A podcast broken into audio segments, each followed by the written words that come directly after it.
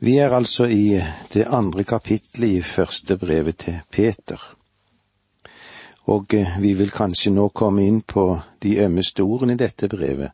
Det er i grunnen skrevet til slaver. Og de utgjorde en betydelig del av den første menigheten. De som eide disse slavene, de hadde absolutt makt over dem. De kunne drepe dem hvis de ønsket det uten at noen kunne gjøre noen innsigelser mot det. Apostelen formaner slavene til at de skal underordne seg. De skal bære sine prøvelser med tålmodighet og i stillhet, idet de følger etter i Herrens fotspor. For eh, han har lovt å ta seg av deres sak. Og nå er det òg slik at uh, arbeidsgivere må huske på at de er plassert som lys på et mørkt sted. De skal òg vitne om Jesus i alt det de gjør. Korsets vei er den tyngste veien å gå, men den er trygg å gå, for den er den beste for oss alle. Og vi skal leve i nær kontakt med vår hyrde og tilsynsmann. La oss nå lese vers 13 og 14 i kapittel 2 i Peters første brev. Dere skal for Herrens skyld underordne dere under enhver myndighet blant menneskene, enten det er keiseren, den øverste eller landshøvdingene som han har utsendt. De skal straffe dem som gjør det onde, og påskynde dem som gjør det gode. Den forskrudde Nero hadde akkurat satt seg på tronen i Rom som den nye keiseren. Det romerske riket skrøt av at det ga hvert menneske rettferdighet. Men det fungerte som ethvert annet styre. Ja, vi kan inkludere vårt eget styre. Det fattige mennesker har aldri hatt en fair sjanse. De velstående har alltid hatt et smutthull. De fattige, de ubemidlede, og i vårt eget land, er kanskje de som har de fleste problemene. Hva skal da denne troendes forhold til loven være? Han skal lyde loven. Og det er det Peter sier til oss her. Dere skal for Herrens skyld underordne dere under enhver myndighet blant menneskene. Siden de var under romersk lov, skulle de lyde den. Selv om intensjonen i den romerske lov var at den skulle virke rettferdig for alle borgere, og så gjorde den ikke det. Husk nå endelig på at romersk lov korsfestet Kristus, og de forfulgte de første kristne. Likevel så skrøt Rom av sin rettferdighet og sin justis. Når dette gjaldt i troen i en slik prøvet periode, hvor mye kreves det ikke av lydighet mot loven også fra vår side. Det betyr ikke at vi ikke skal påpeke urettferdigheter. Men lovens hensikt er å beskytte ethvert menneske. Dere skal for Herrens skyld underordne dere under enhver myndighet blant menneskene, enten det er keiseren, den øverste eller landshøvdingene som han har utsendt. De skal straffe dem som gjør det onde, og påskynde dem som gjør det gode. Tanken her er i frihet å undergi seg, eller underordne, seg. Ja, det spiller en stor rolle i dette brevet, det som vi er innom her. Det gjelder i menighetslivet, men også i de ordninger som Gud har lagt i stand for oss, både i samfunnet vårt, i hjemmet vårt og på arbeidsplassen. Det er Gud som står bak alt dette, og han har gjort dette til det beste for menneskene, for å regulere alt samfunnsliv så det kan fungere normalt, og at det ikke skal ende opp i anarki og kaos. I grunnteksten så heter det i grunnen den menneskelige skapningen. Det greske ordet som ble brukt om grunnleggingen av bygninger og byer og innstiftelser og fester og leker og hva det måtte være. Septuagintia benyttet ordet om, det første var skapelsen, og det andre var det skapte. Etter sammenhengen så betyr ordet her ordning eller rettsordning og samfunnsordning. Skapning peker trolig på ordningen slik som det skal være i det guddommelige opphav. Det er ikke ordning uten av Gud, men de som er, er innsatt av Gud. Samtidig så kalles altså denne ordningen for menneskelig, fordi den må regulere etter det vanlige menneskelivet og også fordi mennesker som iverksetter og utover disse ordningene, skal òg ha dette som en overordnet situasjon. Disse, altså øvrigheten, er ikke bare de, om vi kan si det på den måten, der bærer sverdet, men de har også til oppgave å bygge og bevare samfunnet. All øvrighet, altså all øvrighet må lyde, ikke bare den enkelte og på enkelte punkter. Og de må gjøre det først og fremst for hvem? Jo, for Herrens skyld. Ikke for å gjøre mennesket til lags, men fordi det er Guds vilje. Herren blir i Det nye testamentet oftest brukt om Kristus Jesus. Og her kunne det ligge nær å forstå det som Gud sier i vers 15.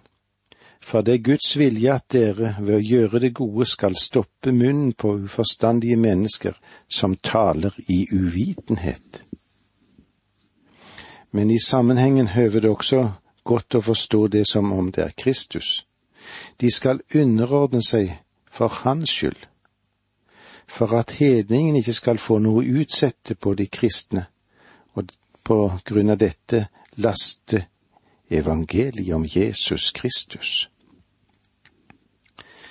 De første hovedpersoner som blir nevnt her, er kongen. Dere skal underordne dere blant de myndighetene som er, enten det er keiseren eller kongen. Kongen i, gamle, i den gamle tid, eller i Orienten, det var jo keiseren. Han var den høyeste. Han var den høyeste på rangstien. All autoritet, den var samlet i hans person. Også keiseren ble kalt herre. Men Gud er også keiserens herre. Derfor var ikke lydigheten mot keiseren absolutt. Og nest etter keiseren så kommer landshøvdingene, stattholderne, over de romerske provinsene. De representerte keiseren og hadde makt og myndighet fordi de var utsendinger fra ham. De realiserte styresmaktenes idé. På Guds vegne så skulle de håndheve rett og rettferdighet i verden. Være til straff for ugjerningsmenn, straffe forbrytere, men de skulle lønne de lovlydige, rose dem som gjør godt vers 15. For det er Guds vilje at dere ved å gjøre det gode skal stoppe munnen på uforstandige mennesker som taler i uvitenhet. Når den kristne underordner seg styre og stell for dem som har ansvar for ens liv, så er det et moment i det å gi Gud ære over livet. Det er aldri noe hyggelig å måtte betale en bot, men å betale en bot, det er jo å være lydig mot den loven som er satt opp. Vi skal være lydige mot loven fordi det er en del av vårt vitnesbyrd òg, det.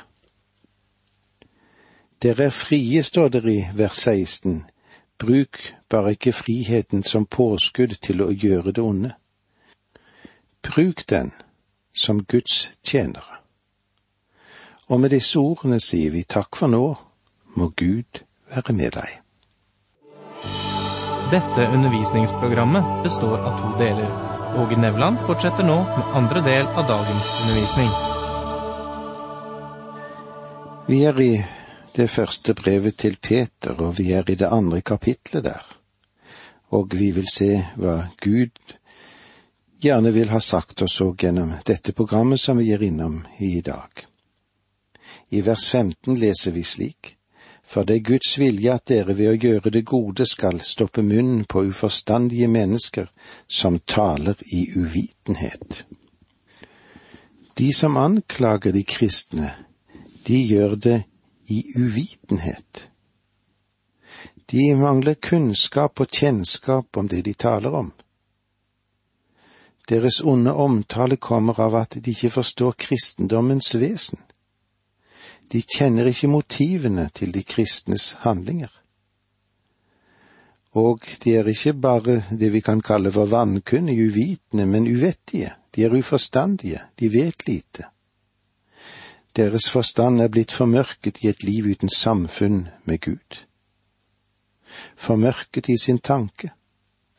Fremmedgjort for Guds liv ved at de er vankundige på grunn av deres hjerters forherdelse. Men det er Guds vilje at Hans barn skal gjøre det gode. Vi skal gjøre det gode. Vi skal gjøre det som er rett og rettferdig, sant og godt. Og på den måten skal de målbinde. De skal få de til å tie, egentlig, disse menneskene som er uvitende.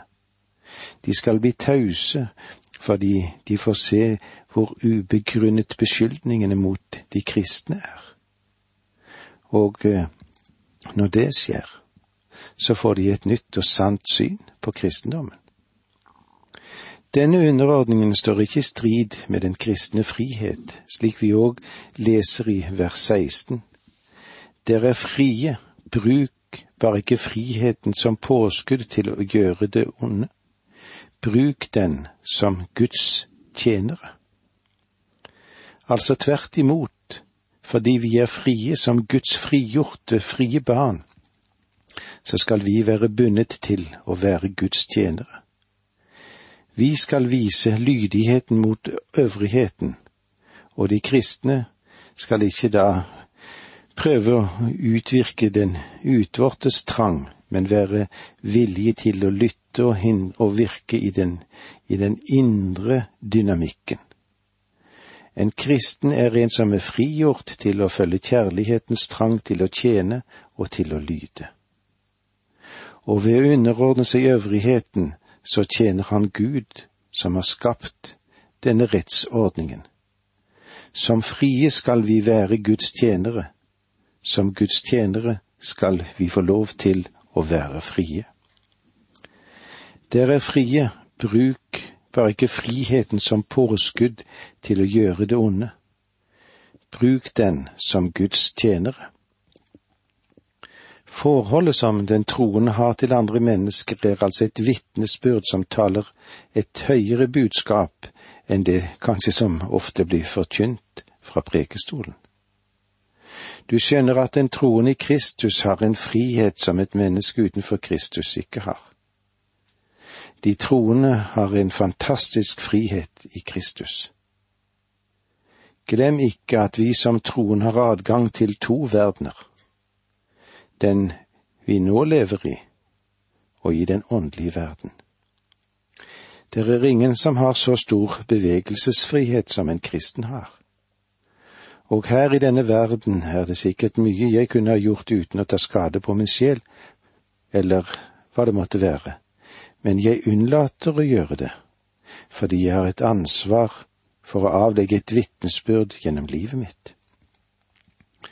Jeg ønsker ikke å bruke min frihet som et skjul for det som er rundt og det som bryter ned.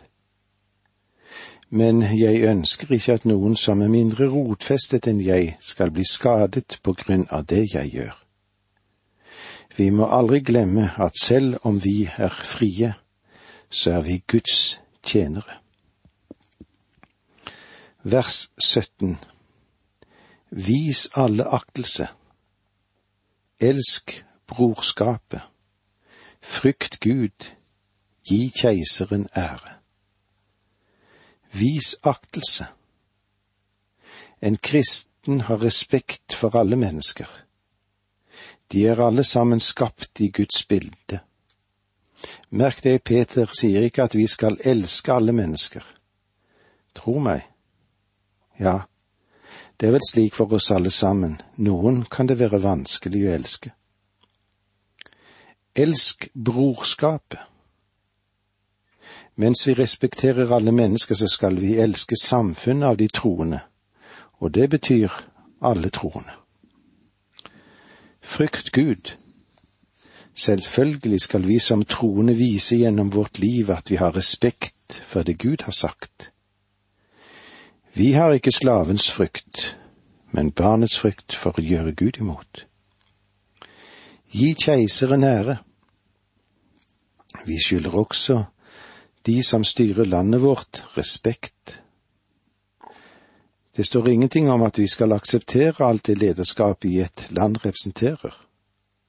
Vi skal bruke vår stemme og gjøre vår innflytelse gjeldende gjennom de signaler som vi kan gi gjennom våre holdninger.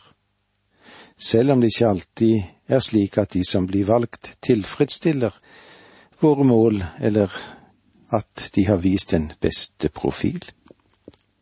Som kristne skal vi være varsomme med å undergrave et folks lederskap ved å tale ille om dets tjenere.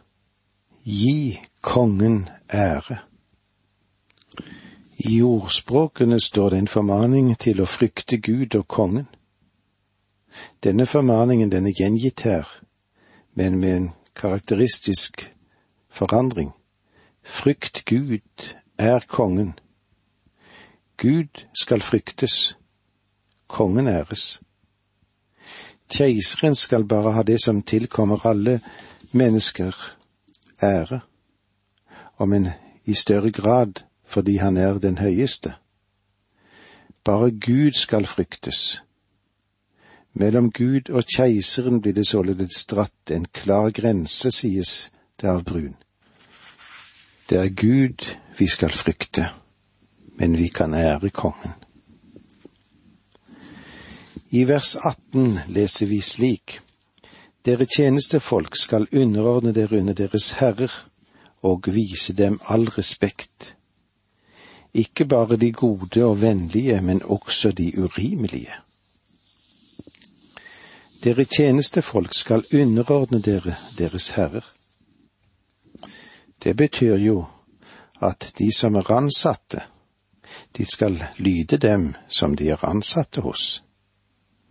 Og det er de som forteller meg at det er sikkert utmerket å være ansatt hos en kristen sjef.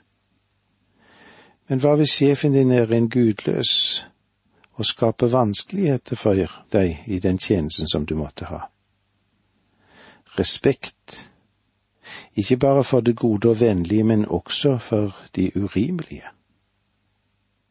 Vi har et ansvar også overfor dem. Så lenge vedkommende ikke ber deg om å gjøre det som er ulovlig og er uærlig, da er det jo noe annet. Skal underordne dere. Det å underordne deg selv, det er noe du gjør frivillig. Ikke fordi du føler at sjefen din er en stor personlighet, men på grunn av ditt vitnesbyrd for Kristus. De kristne gir også Gud sin ære ved sin holdning og sine handlinger, hvor henne? Der du arbeider, i din arbeidssituasjon, og også i ditt hjem og i ditt samfunn. Tjeneren skal vise lydighet. De skal være underlagt sine herrer. Det har nok skortet på denne underordningen av og til, og kanskje var det kristendommen som kom i vanry på grunn av at enkelte steder hadde personer som kanskje virket annerledes enn det de skulle. Undergitt skal de være og virke i all frykt, med respekt for herrene deres. Han skal jo ha sitt, sin grunnfestede kjærlighet i Guds frykt. De er frie, og derfor skal ikke huse noen trellefrykt overfor husbonden, men de skal ha ansvarets frykt, frykten for å gjøre sin plikt. Den skal de gjøre den til fyllest. De skal være lydige mot sine herrer, som mot Kristus. Og det er, vel å merke, ikke bare de gode herrene de skal lyde, de som er velvillige og greie og har det godt på alle måter, de som er rimelige, de som er snille og de som er medgjørlige. Nei, de skal òg underordne seg under de som er vrange, eller han kan kanskje si krokete. De urimelige, de strenge, de vanskelige, de tverre, som er urettferdige i sine krav og i sin handlemåte mot trellene. Det er hardt for kjøtt og blod, dette, men det kan bare etterleves i Kristi kjærlighet og i ydmykhet. Derfor sier apostelen også at vi skal være Jesu Kristi etterfølgere, og vi skal ha Han som vårt forbilde. Dere tjenestefolk skal underordne dere under deres herrer og vise dem all respekt, ikke bare de gode og vennlige, men også de urimelige. Og med disse ordene sier vi takk for nå, må Gud være med deg.